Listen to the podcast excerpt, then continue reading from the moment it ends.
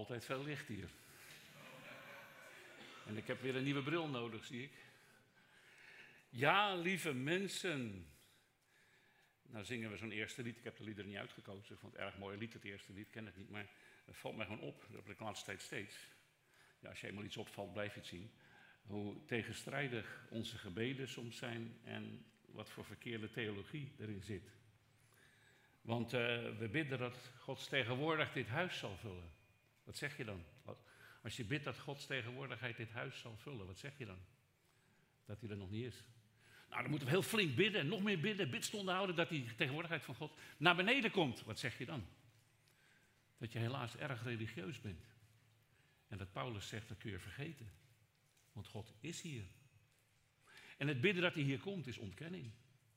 Ja, God is gewoon hier. Hij hoort mij nu hier, hij ziet mijn hart, hij ziet u en hij kent alles. De hele Bijbel is vol met dit soort teksten. Daar gaat mijn preek ook over. Waar is God? Waar is God? En uh, ik wil met u uh, lezen.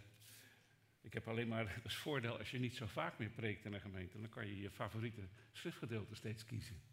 Alleen heb ik wel erg veel favorieten. Maar dit is mijn favoriet. Eentje. Handelingen 17. Vers 58. Huh? Nee, dat is de tijd. dat is de tijd die daar loopt. Handelingen 17.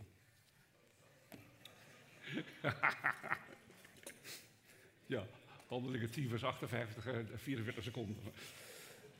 Handelingen 17, vers 24 tot 28. Paulus staat daar en hij was gewend tot Joden te prediken. Daar was zijn evangelie makkelijk. Zie, het koninkrijk der hemel is nabijgekomen, want Joden wisten dat het was. Paulus onderweg naar de Acropolis heeft een enorm conflict, omdat hij ontdekt dat die Joodse boodschap voor geen meter past bij die Griekse bevolking. Het heeft geen zin een Joods evangelie te verkondigen aan Grieks-Romeinse burgers. Dus dan komt hij op een heel ander idee. Het evangelie van Paulus. En het is heel bizar. Dit is maar een gedeelte ervan. We beginnen in uh, vers 24. De God die de wereld gemaakt heeft en al wat erin is, die een Heer is van hemel en aarde, woont niet in tempels, niet in kerken, niet in kloosters, door mensenhanden gemaakt. En hij laat zich ook niet door mensenhanden dienen. Elke godsdienst wil God dienen. Ze doen hun best maar.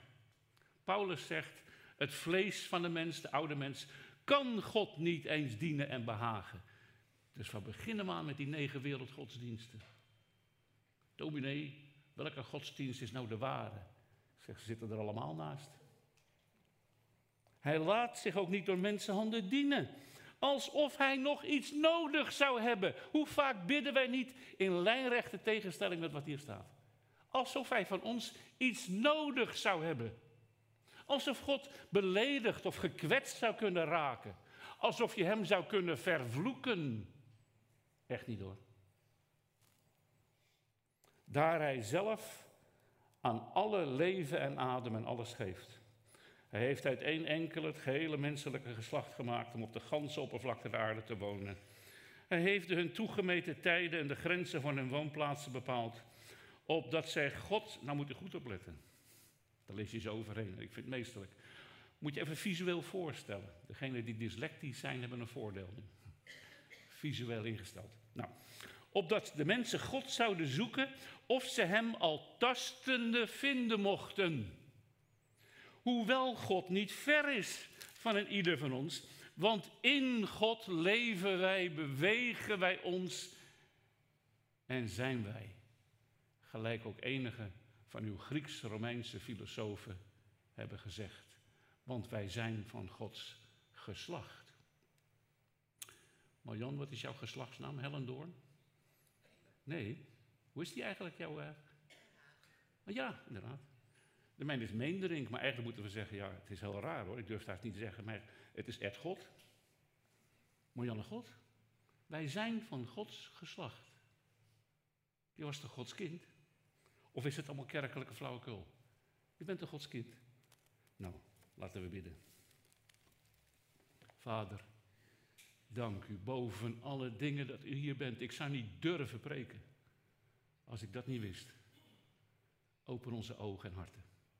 Laat uw woord vloeien uit uw hart, uit mijn hart, uit mijn geopende mond, tot geopende oren en harten van alle hier en thuis of waar dan ook, onder de zalving van uw Heilige Geest.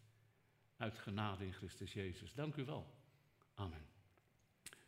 Ja, wij bidden dat de cirkel maar rond mag zijn. Hè?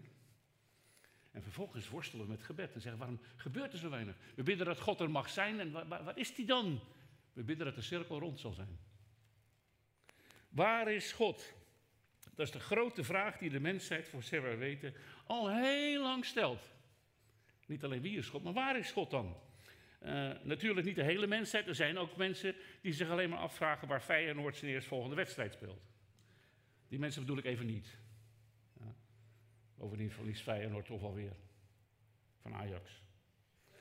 Paulus zegt, alles wat is, het is en bestaat en leeft en beweegt in God. In de theologie noemen we dat panentheïsme. Geen pantheïsme, dat is heidens. Panentheïsme. Alles in God. Alles wat is, dieren, ja, bomen, planten, mensen, kinderen, gelovigen, heidenen, atheïsten, slechte mensen, goede mensen. Alles is en leeft en beweegt in God. Je ademt God. En je ademt hem uit.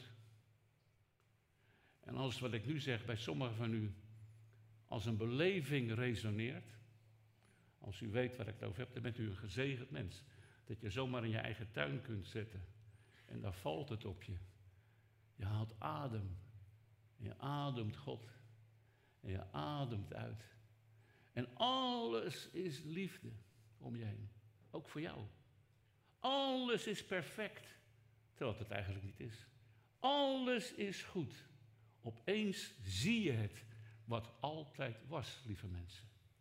Je ziet wat altijd was. Alles is, leeft, bestaat in God. Ik heb zoiets wel eens een beeldje bij deze tekst over twee visjes in de zee. Dus het visje met zijn kieven haalt de zuurstof uit het water van de zee. Hij haalt zijn voedsel uit de zee. Hij leeft van de zee. Hij leeft in de zee. En op een gegeven moment krijgen een paar vissenouders, die krijgen een rebels atheïstisch visje. Je weet, zo'n tiener die niks oh ik geloof die rotkerk, maar de stommige bestaat allemaal geen God. Heeft u zo'n tiener thuis? Nou, zo'n visje, dat is het atheïstische visje. En die zegt zo van, uh, tegen het andere vis, hoezo dat water? Dat is toch een sprookje, waar is het water? Blub, blub, blub, blub. Dat is atheïstische, waar is God? Hij ademt God, hij beweegt in God, hij kan geen woord spreken zonder God. Zijn lichaam doet het niet zonder God, niks zonder God. Waar is God? Het atheïstische. Maar je hebt ook het religieuze visje. Ja? We moeten meer bidden, we moeten meer doen. We moeten zorgen dat God in het water komt. Ja, laten we het nog een keer doen. Langere bidstond, nog meer vragen, nog meer vasten, nog meer religie. Want religie wil God uit de hemel trekken. Maar de hemel is leeg. Als je het een beetje goed bekijkt. Want God is hier. Dat is het bijzondere van Jezus die aan alle mensen liet zien. En als je niet kon geloven, dan deed hij een wonder, alleen maar om jou te laten geloven dat God hier nu is. Alles wat hij deed. Mensen, ik kan me zo voorstellen, als hij bij je thuis kwam, Jezus, dan was hij binnen en zeiden mensen, God was even bij ons thuis. Maar ja, dan was hij weg en dan was het natuurlijk ook weer weg. Maar wat Jezus wilde leren is, God is er ook als hij er niet is. Hij liet de mensen zien waar God was. Bij jou en bij mij. Zoals veel van onze liederen ook zingen. Waar is God? Religie zoekt naar God daarboven. Religie eh, wil een ladder naar de hemel maken om God naar beneden te trekken. Religie bidt dat Jezus maar spoedig mag komen. Terwijl hij 2000 jaar geleden zegt, ik ben vanaf nu altijd bij jullie. Ook zo'n zo tegenstrijdigheid. Hè? Religie wil God uit de hemel trekken. Het wil naar de hemel toe gaan. Het wil omhoog gaan. Het doet er allerlei dingen voor. Het legt mensen regels op en gewoontes. En ze doen het allemaal maar. En ze zeggen, we hebben nog steeds God niet gevonden. Ik spreek jaren geleden een bevriende collega van de PKN-gemeente in het park. Met onze honden kwamen we elkaar nog eens tegen, bleef altijd hangen. En we hadden het over, eh, het was in de tijd dat iemand een, uh, een Koran wilde verbranden in Amerika. Dus we hadden daar onze zorg over uitgesproken. En hij zegt, ja, we zouden toch met z'n allen eens moeten inzien, alle religies samen, en ook wij, dat we samen op zoek zijn naar God. Ik dacht, ben ik nou op zoek naar God? Ik dacht hem toch gevonden te hebben eigenlijk. Maar ja, dat kan je ook weer niet zeggen. Hè? Dat lijkt alsof je heel erg goed in religie bent. Als je zegt, ik heb God gevonden. Dat, ja, dat durf je niet te zeggen. Ben jij God? Hoe doe je dat dan? Wat voor, wat voor gebeden dan? En wat voor rituelen onderhoud je dan? Naar welke kerk ga je dan? Want nou, dan kan ik ook God vinden. We bidden dat de cirkel rond mag zijn. Maar hij is rondgeschapen. Dat is religie. Waar is God? Waar jij bent. Waar u bent. Hier, nu. Ik, God ziet dat het geen sprookje is. voor mij zo reëel. Dat, ook mijn gebed gaat verder niet zeggen wat ik doe. Maar ik zou echt niet hier durven staan als ik dat niet bewust was. Want het gaat er niet om dat je bidt dat God er zal zijn. Want God zegt, waar ben jij dan? Ik ben overal. Jij leeft in mij, je ademt in mij, je beweegt in mij, je krijgt je voeding uit mij. Je kunt niets doen zonder mij. En jij maar bidden dat ik er mag zijn. Vind je het gek dat je me niet ervaart? Want de vraag is, waar ben jij? Waar ben jij? Waar ben je bewust van? Wat zie je? Wat hoor je? Wat merk je? Nou, ik wil deze gedachte met u uh, bestuderen over met, een, met drie, vier andere schriftgedeeltes die bij mijn favorieten horen. Ik zei al, dat kan ik dan nu doen. Eén is, als u zegt, je hebt er vaker over gesproken, natuurlijk is dat zo, want wat doe je met je favoriet? Maar het was elke keer een andere preek. Zelfde boodschap, andere preek. De eerste is het verhaal van de roeping van Mozes. Wie kent het? Dat scheelt even als ik weet wie. Wie kent het niet? Is het echt niet voor schut hoor. Oké, nou. Dus Mozes, uh, ik moet het verhaal even kort maken. Mozes die komt bij zijn schoonvader, daar werkt hij dan en hij hoedt de schapen en de kuddes en hij loopt daar in de bergen en dat gaat heel, heel veel jaren voort. Ondertussen leidt het volk van Israël in slavernij en bidt Mozes ook, Heer, wanneer zult u Israël nou eindelijk verlossen? Waar blijft u nou? En dan zegt Mozes ook, trekt u zich uw volk helemaal niet aan? Heeft u wel zo'n gebed gehad? Ja. Ik had even een dip met mijn vrouw, die vijf jaar geleden een hersenschuddingje opliep met een auto-ongeluk. En nog steeds een abnormale zintuigelijke waarneming heeft, waar ze soms gek van wordt. Ze ruikt de parfum van een vrouw een kilometer verderop in het park. Te veel lawaai kan ze niet, maar het wisselt. Soms gaat het beter, soms, soms gaat het niet. Ik sta in het park en ik ben, heer, hoe lang moet ik nog wachten voor u mijn vrouw van die hel verlost, verdorie? Je ziet toch hoe ze lijdt? Doet u wel wat? Houdt u wel van haar? Dat is een momentopname hoor, dat heb je allemaal wel eens, hè? Dan ben je even kwijt.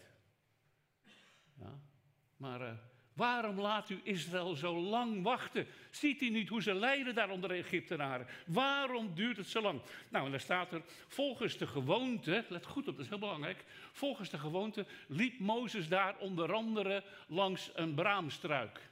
Elke dag weer langs dezelfde braamstruik. Nou, dan zult u op zondagschool gehoord hebben dat de, de lerares vertelde. Toen dook God in die braamstruik. Boem, zo.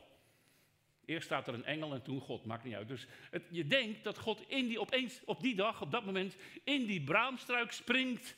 Dan ziet Mozes dat. Die, hij, hij, gloeide, hij straalde, maar hij brandde niet. Dus het was volle energie wat daar was. Het leek alsof die brandde, maar hij brandde niet. Nou, dan begint het en dan zegt eh, God Mozes, hier ben ik hoor. Nou, dan komt Mozes, dan komt de roeping van Mozes, hij wordt de redder van Israël, klaar. Ja. En Mozes zegt het.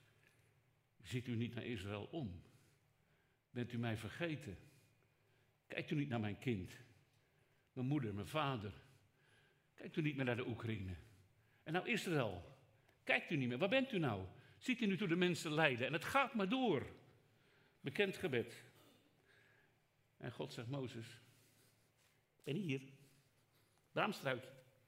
Nou, weet u hoe een braamstruik eruit ziet?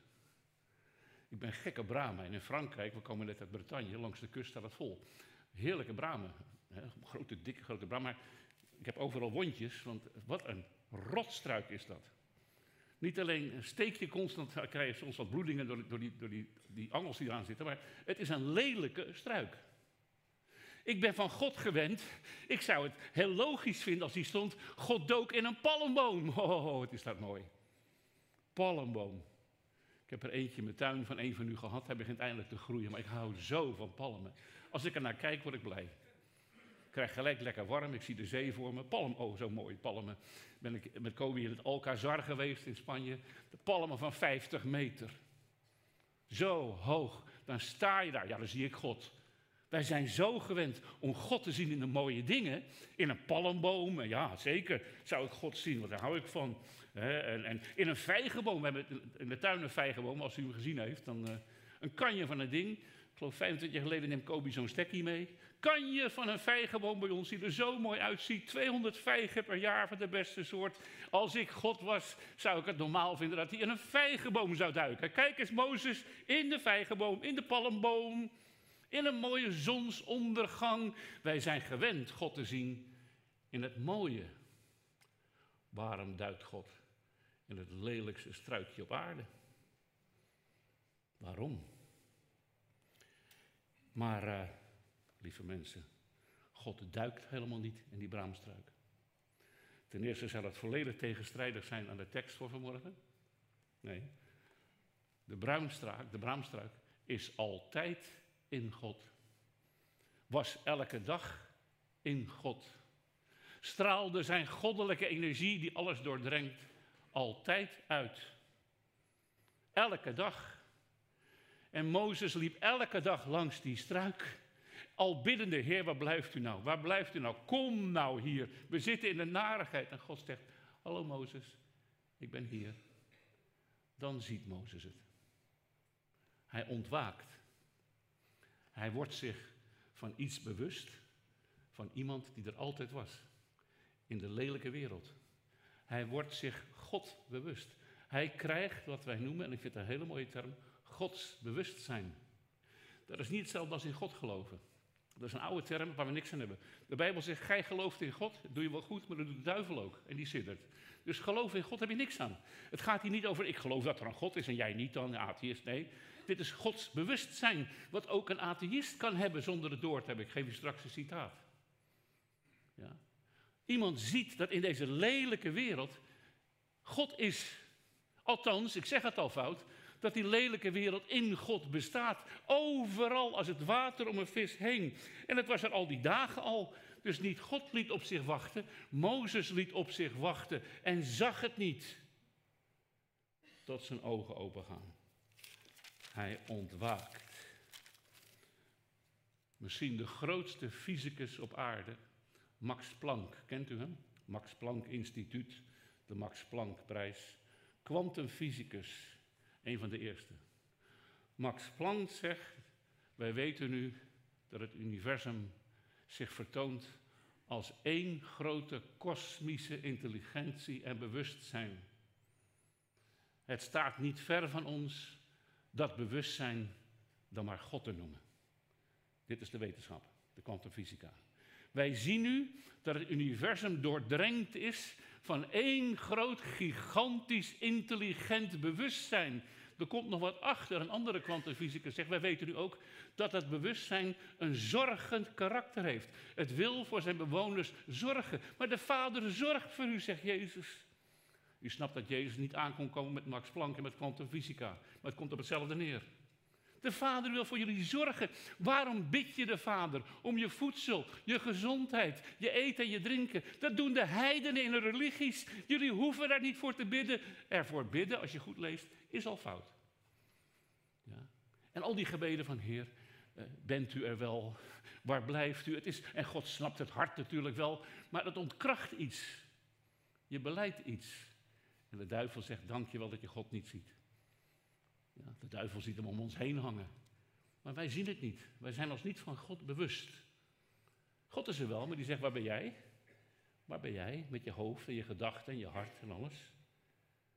Heel universum doordrenkt van een aanwezigheid. Dit is wat alle religies al duizenden jaren zeggen. Dit is wat Jezus zegt. Dit is wat we al lang weten.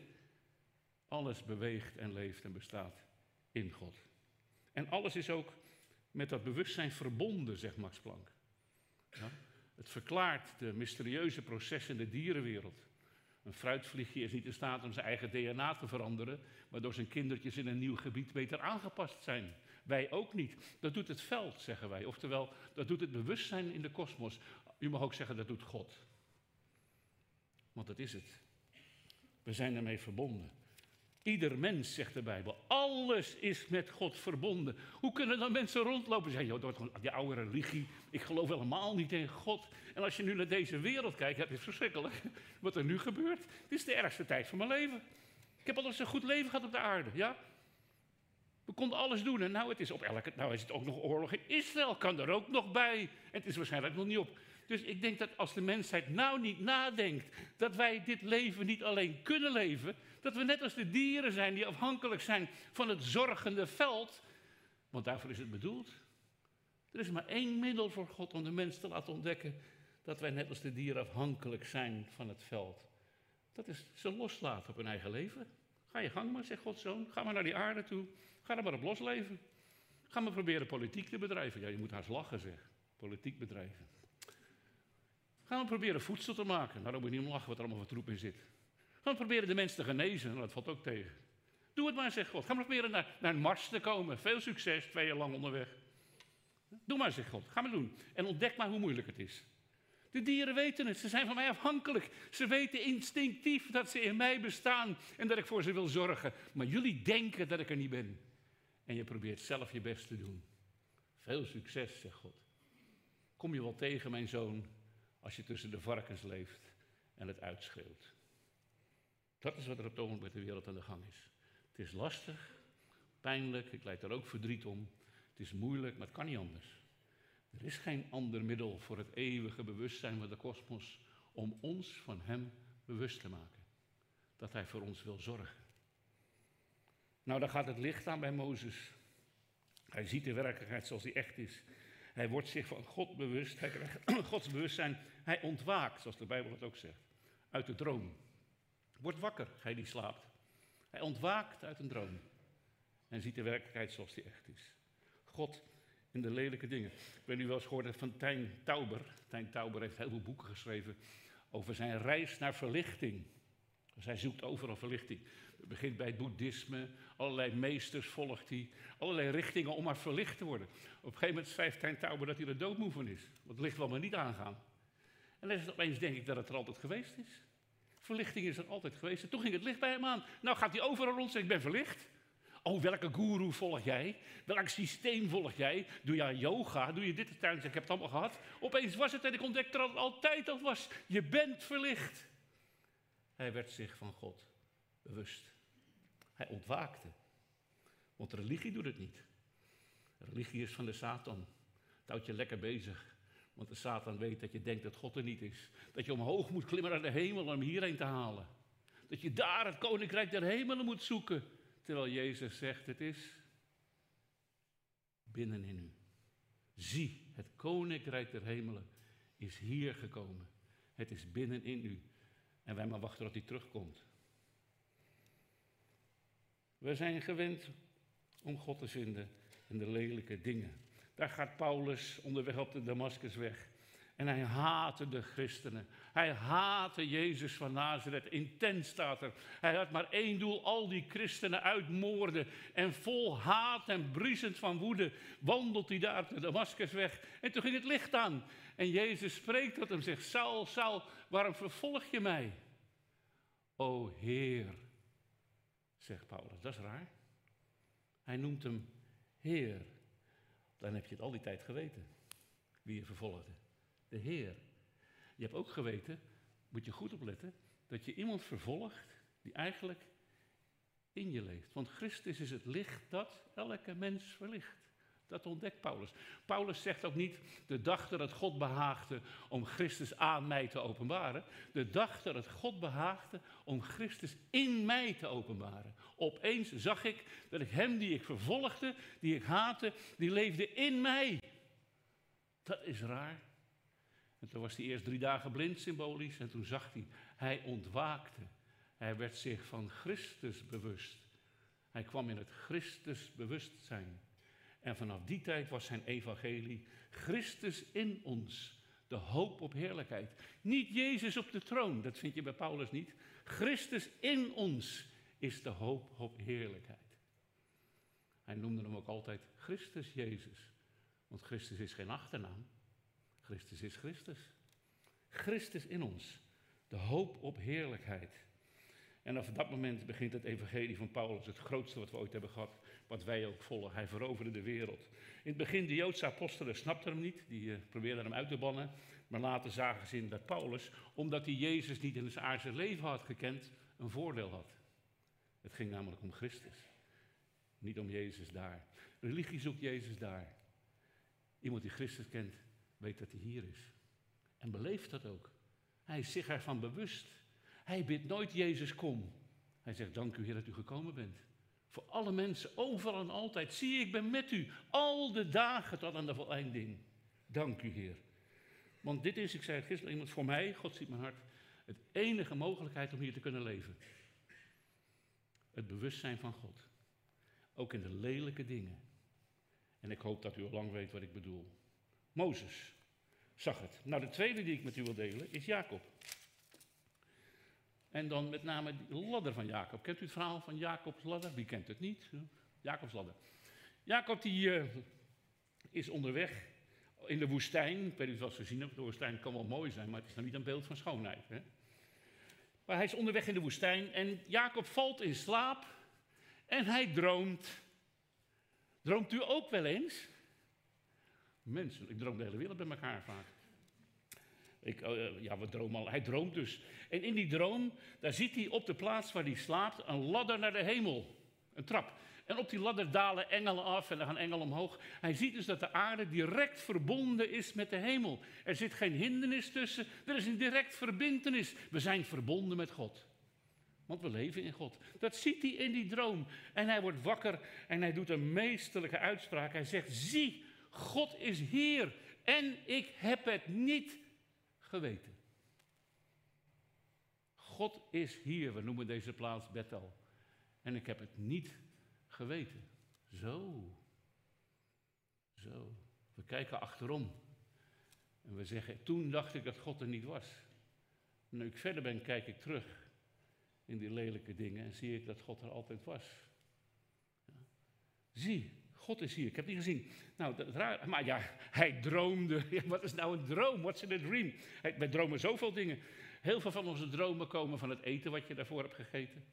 Heel veel dromen zijn gewoon het resetten van je harde schijf. Dat zijn we niet, dan word je lachend wakker als je nog herinnert hoor.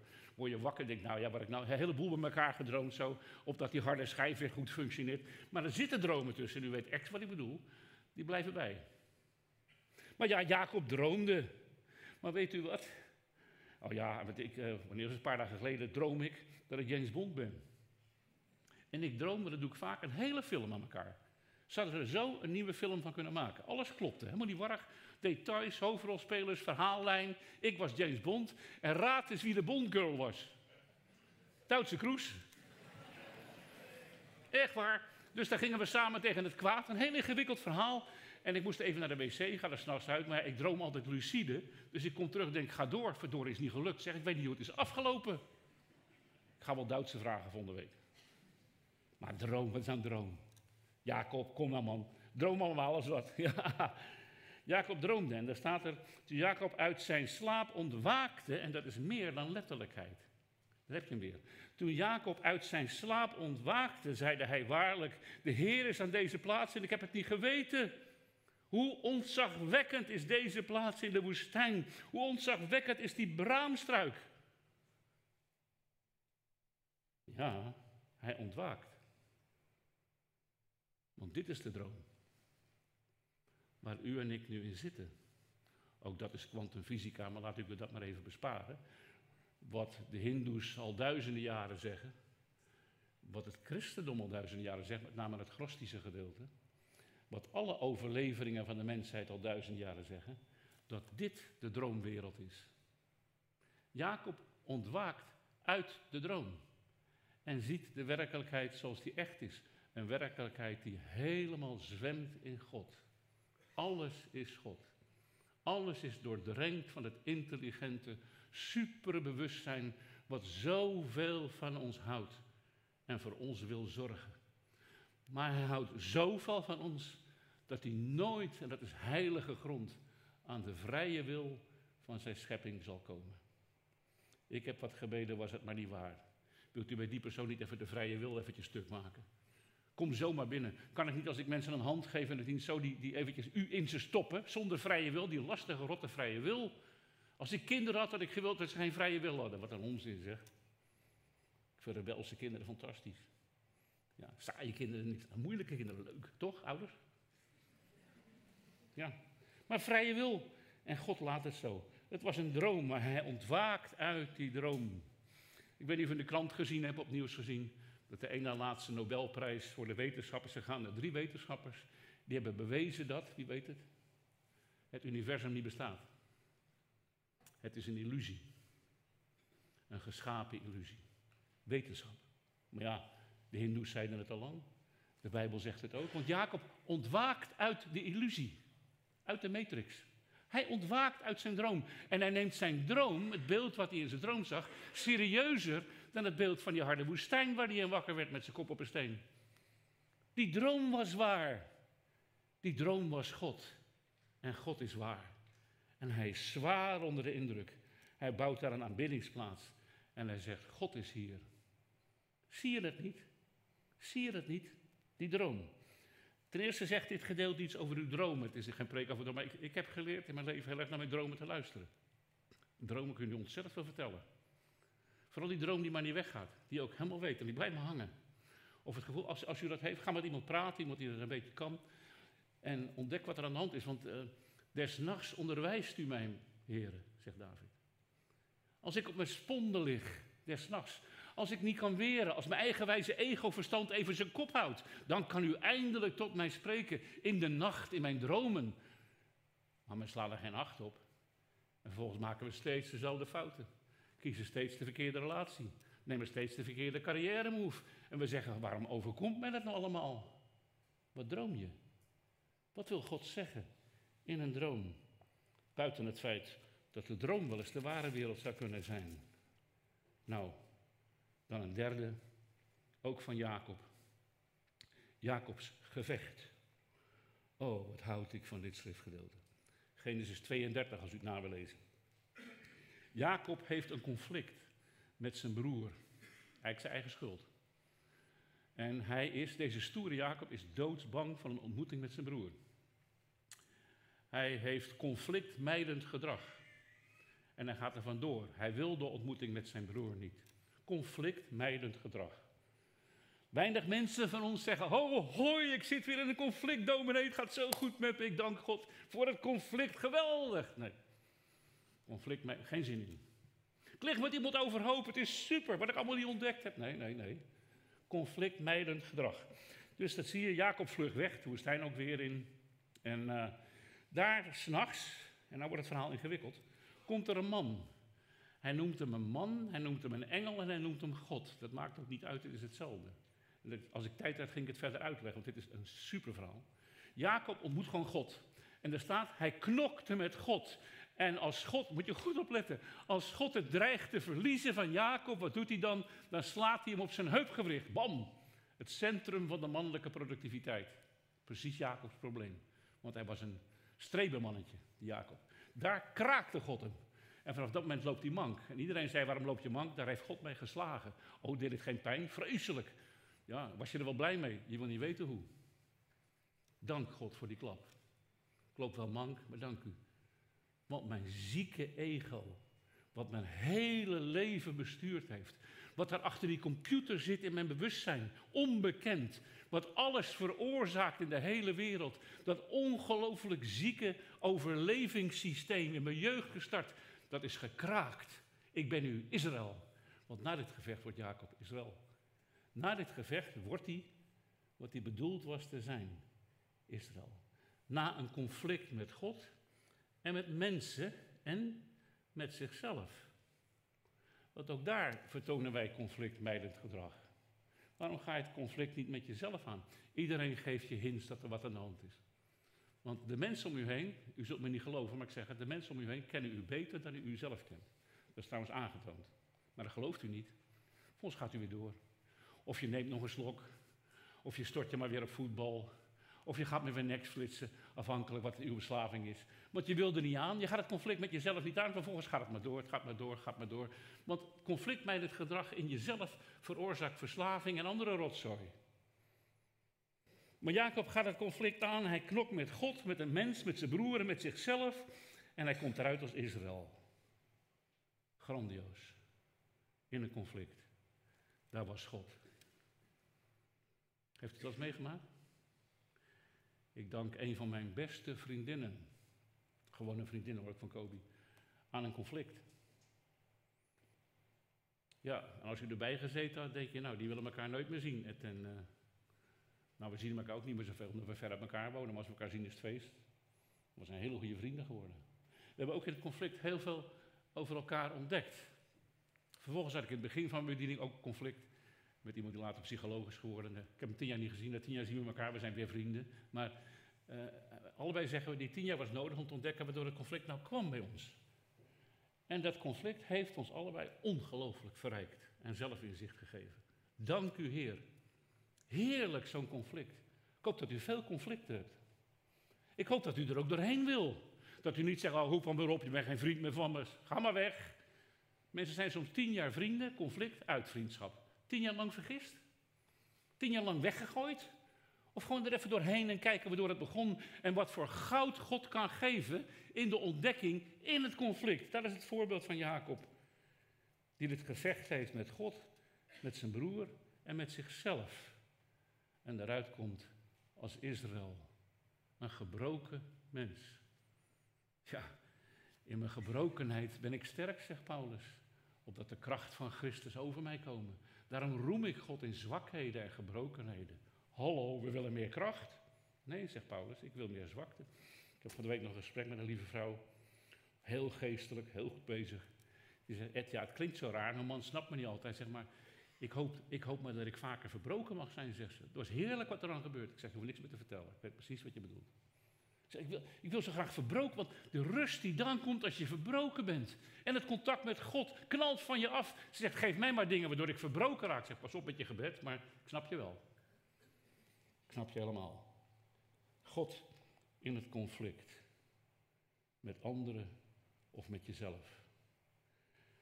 En de laatste voorbeelden zijn heel kort. Dat is de opgestane Jezus. Ik heb me altijd verbaasd over die opstandingsverhalen. U weet het, hè? Eh, Jezus komt niet in zijn oude gedaante, alleen bij Thomas. Aan Thomas toont hij zelfs zijn littekens. Maar als Jezus verschijnt aan andere discipelen, ook aan Maria, dan herkennen ze hem eerst niet. Jezus verschijnt in de gedaante van een tuinman, zou je die denken.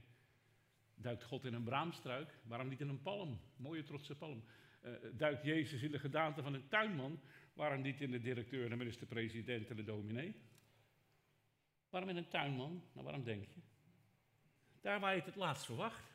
Een gesprekje met de tuinman, gewoon de tuinman die voor je werkt. Een gesprekje, je gaat naar huis en wat zei die nou? Wat is daar nou gebeurd? De tuinman, de metselaar, die, die man op straat, een bedelaar. Ik herinner me een gesprek met René, sommigen van u kennen hem nog. René is uiteindelijk gestorven door een heilige daad, gaat verder, we weten het, maar René was psychotisch. Schizofreen psychotisch. Af en toe helemaal de weg kwijt, maar zo'n serieuze gelovige. En ik begreep niet en ik huiverde. In mijn gesprekken met hem in de psychose hoorde ik psychose en soms zei hij iets over God en denk ik, hè? Je hebt niet eens theologie gestudeerd. Zo zuiver, zo'n inzicht. En ik ging naar huis en Heer, dank u dat u was, Heer René. Ik heb antwoord op mijn vragen gekregen van iemand in een psychose. Ja? Moet je niet tegen de dokter zeggen, want die denkt, jij moet ook naar de... Maar goed. Maar dat gebeurt daar waar je het helemaal niet verwacht. In een tuinman. In iemand die de Bijbel met jou opent. Een prediker misschien. Een vriend, een bijbelstudieleraar. Een zon. Die opent de Bijbel voor je. Staat daar. En opeens, oh maar het is de Heer. De Bijbel is de Heer. Ik dacht dat het een gewoon oud boek was met verhalen. Maar het is, het is de Heer.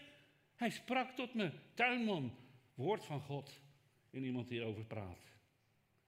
Of zoals Jezus zelf zegt. Hij verschijnt merkbaar voor u in iemand die u helpt. Iemand die hongert en dorst, niet meer kan leven, er niet meer uitkomt.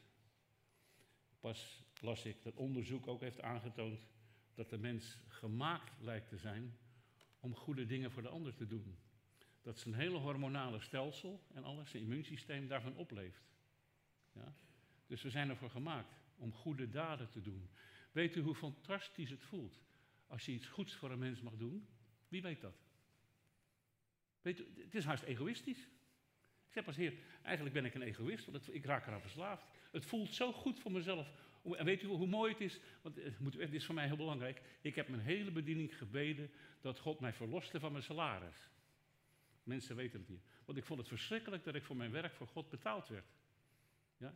En nu, nu mag ik het zomaar doen. En weet u hoe goed het voelt?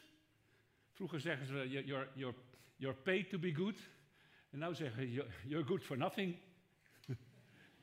ja, dus, maar weet u hoe goed het is om, om als je thuis je hebt iets goeds, al is het maar, iets, maar je hebt iets goeds gedaan. En hoe groter het offer wat je brengt uit liefde, hoe meer het effect. Je raakt eraan verslaafd. Wij zijn ervoor bedoeld.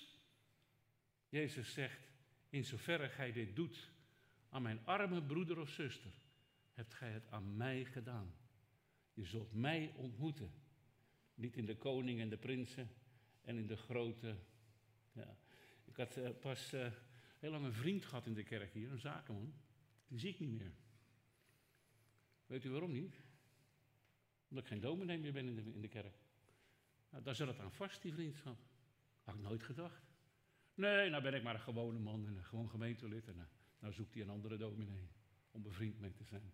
Ik ben er niet boos over, nee, ik leer ervan. Het is de tuinman. Dat is de tuinman. Ik heb vrienden behouden die helemaal geen hebben. Maar daar ontmoet ik nog steeds God in. In de tuinman. In iemand die het woord opent. In een gesprekje met zomaar iemand wat je niet verwacht. In een huiskerkavond waar opeens glans komt. Uit een broeder of zuster. Waar je naar huis gaat. Zeg, ik heb eigenlijk God ontmoet. Uit zomaar een situatie. Een braamstruik. Of een lelijke situatie. Of een conflict. Waar is God? Daar. En God zegt, eh, jij zegt, waar blijf ik nou? Ik zeg, waar blijf jij nou? Ben je je van mij bewust? Heb je Gods bewustzijn? Heb je Christus bewustzijn? Ik vraag u niet of je gelooft dat Jezus Christus voor je zonde is gestorven. Dat doen we wel. Ik vraag om Christus bewustzijn in u. Ik vraag u niet om te geloven in God. Doet de duivel ook. Ik vraag u om Gods bewustzijn. Overal waar u gaat. Ik zit vlak voor mijn pensioen in de tuin. En voor de tweede keer valt er iets op mij. Zonder enige oorzaak. Ik zit gewoon zo lekker in de zon. En er valt op mij God. Ja, die valt niet op mij. Die zat er. Stromen van levend water komen uit u. Niet vandaar, maar vanuit je binnenste. Het het stroomde, het stroomde en het stroomde. Liefde, liefde, liefde, liefde. Vogels, ik hield van de vogels. Ik hield van die bomen. Ik hield van alles wat er maar voorbij kwam. Ik hield van lawaaier en ik hield boven alles van mezelf. Maar ik hield van me zonder dat ik iets deed. En dat is voor mij bijzonder. Ik hield van me omdat ik was. Ik ben, zoals God zegt, ik ben. En God zegt, ik ben, maar jullie wel altijd wat doen. Ja? Ik ben, maar jullie wel altijd wat zijn. En daardoor ben je niet, zegt God. Dus dat viel me op, me dat diepe bewustzijn van zijn. En van God in alles. Nou, de wereld had een glans. Ja? Ik had net een bericht gelezen over Oekraïne. En het was net een tijd dat Oekraïne dreigde te verliezen. En ik zei, Heer, ik bid zo lang dat die oorlog voor de winter voorbij is. Het gaat alleen maar slechter verdikkie. En toen viel het op me. In het lelijke. God. Ik gun u dit soort ervaringen. Meer dan ik zelf heb. En dan zegt u, u heeft ze niet. Nee, je moet het willen. Je moet je ervoor openstellen. Je moet even nadenken over wat ik hier zo heb losgelaten. Dit schot hagel. En dan mee naar huis gaan en zeggen, wat bedoelde het nou? Heel goed. Ga maar nadenken. En als u dan een gebed is, zeg maar, Heer, ik wil, dat, ik wil u beleven, ik wil u zien. En als u in een situatie zit die lelijk is en die niet wil, die verschrikkelijk is, dan bid ik straks met u aan dit altaar. Of thuis. Dat het licht aan mag gaan. Dat u wakker mag worden. Dat u het mag zien. Want God zegt, Mozes, ik ben hier al die tijd hoor. En je loopt me gewoon voorbij. Met je drukke zaken. Je loopt me elke dag gewoon voorbij. Maar ik was hier al die tijd hoor, Mozes. Niet in een palm, want daar stond je opeens te kijken of ik daarin zat. Zit ik ook in. Maar in een braamstruik. In een conflict. In de moeite. God is nabij de gebrokenen van hart. En God zegt, waar ben jij? Zie, ik ben met u. Al de dagen tot aan de voleinding. Christus is het licht dat elke mens verlicht. Ik zeg amen.